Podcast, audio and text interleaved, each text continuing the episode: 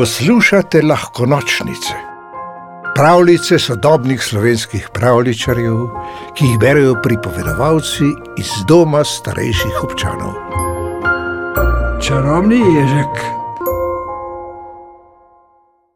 Čarobni ježek. Ježek špikec se rad potepa.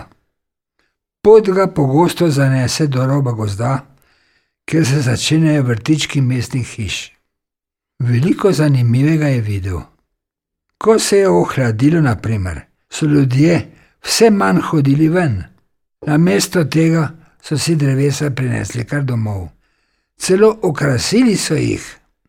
Še bolj je usupnil, ko so nekega jutra pod drevesi izrasle pisane škatle, ki so se jih ljudje nad vse razveselili. Na to so iz njih potegnili kup različnih reči prava čarovnija. Ljudje so se tako veselili, da je še samemu špiksu zaigralo srce. Joj, ko bi tudi v našem gozdu zrasla takšna čarobna presenečenja, je pomislil. Po poti domov je v njem zorela domislica. Medile se je kot sočna hruška, dokler ni tik pred svojim domkom sklenil, tudi v gozdu bodo čarovnije. Svoje sosede bom presenetil z darili, podobnimi tistim, ki so jih dobili ljudje. Ker so ježi nosna bitja, se je kar brž lotil dela. Pri ljudeh je videl, da so pod drevesi največkrat dobili igračke, obleke ali sladkarije. Tudi svojim sosedem je namenil podobna darila. Mladička pri jazbečevih nista nikoli sita, je mrmral, ko je pekel slastno torto iz jabolk in hroščk. Tole bo kot nalaž za njo, še za očka in mamica bo ostalo.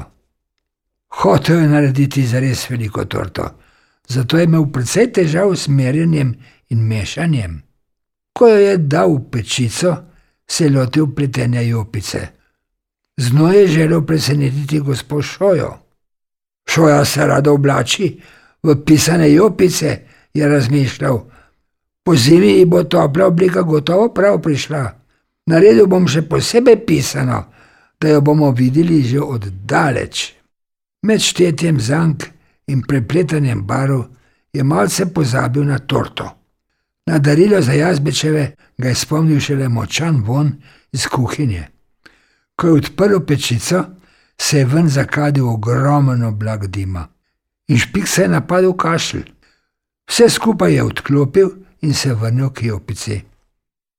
Kdo ve, kakšna je torta, je zaskrbljeno ogibal. Nadev je stekel ven in ob straneh je skoraj črna, upam, da bo vsaj okus pravi. Tako se je od samih skrbi zmotil v štetju zank in šolne jopice ni se stavil, kot bi bilo treba. Toda že se mu je mudilo proti domu Jazbečevih, kjer je predhod položil torto. Naj se tukaj ohladi do konca, je pomislil in odbrzel proti šojeni doplini. Spotoma je razmišljal o svojem naslednjem darilu. Odločil se je, da bo repatkom zgradil gugalnico.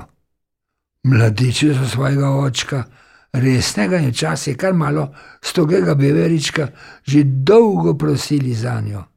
Vem, da repatek zlepa ne najde časa si mislil Ježek Špikec in v glavi risal načrt za igralo, pri tem pa z roko abom jopice zataknil vejo šojnega drevesa. Ko je prilezel do njenega vhoda, je bila že do dobra razparana. A Ježek je preveč hitel, da bi to opazil. Pri repatkovih je zdaj bele volne spletel zanko, na katero je pritrdil vejo. Dolgo je trajalo in Danilo se je že, ko je končal. Na hitro jo preizkusim, je pomislil, sedel na goganico in naredilo je hrsk. Ojej, si je rekel, verjetno so mi počele hlače, najbolje, da se grem domov preobleč. Ko se je vračal, je zapihal mrzo veter in prinesel sneg. Prevrnil je že tako vegasto torto pred hodom jazbečevih, raztrgal jopičo namenjeno šoji in do konca zlomil vejo na kateri je bila obešena gogalnica za repatkove. Na to je vse skupaj prekril sneg in še dodatno se je ohladilo.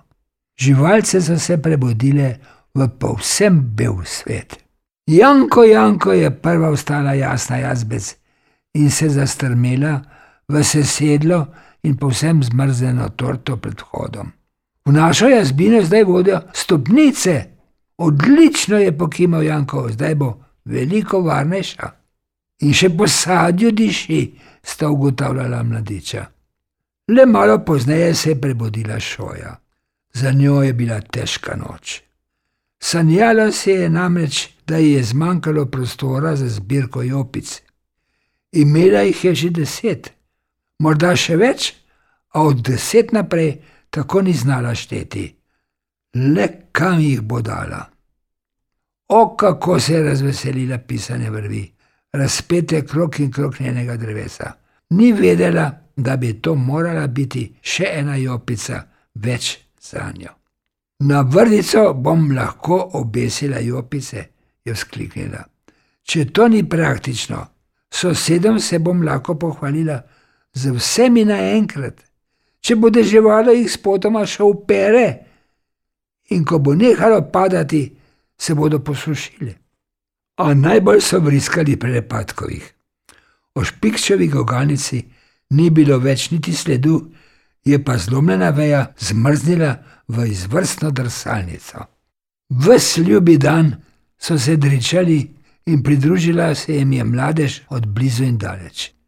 Njihovi starši so jih morali nenehno miriti in zraven tiho upali, da še sami pridejo na vrsto. Ko se je pozneje špikec ogledoval svoje obdarovance, je najprej opazil, da ni šlo vse po načrtih. To, da sosede je le razveselil in drugi živali tudi, očitno je gost prinesel čarovnijo.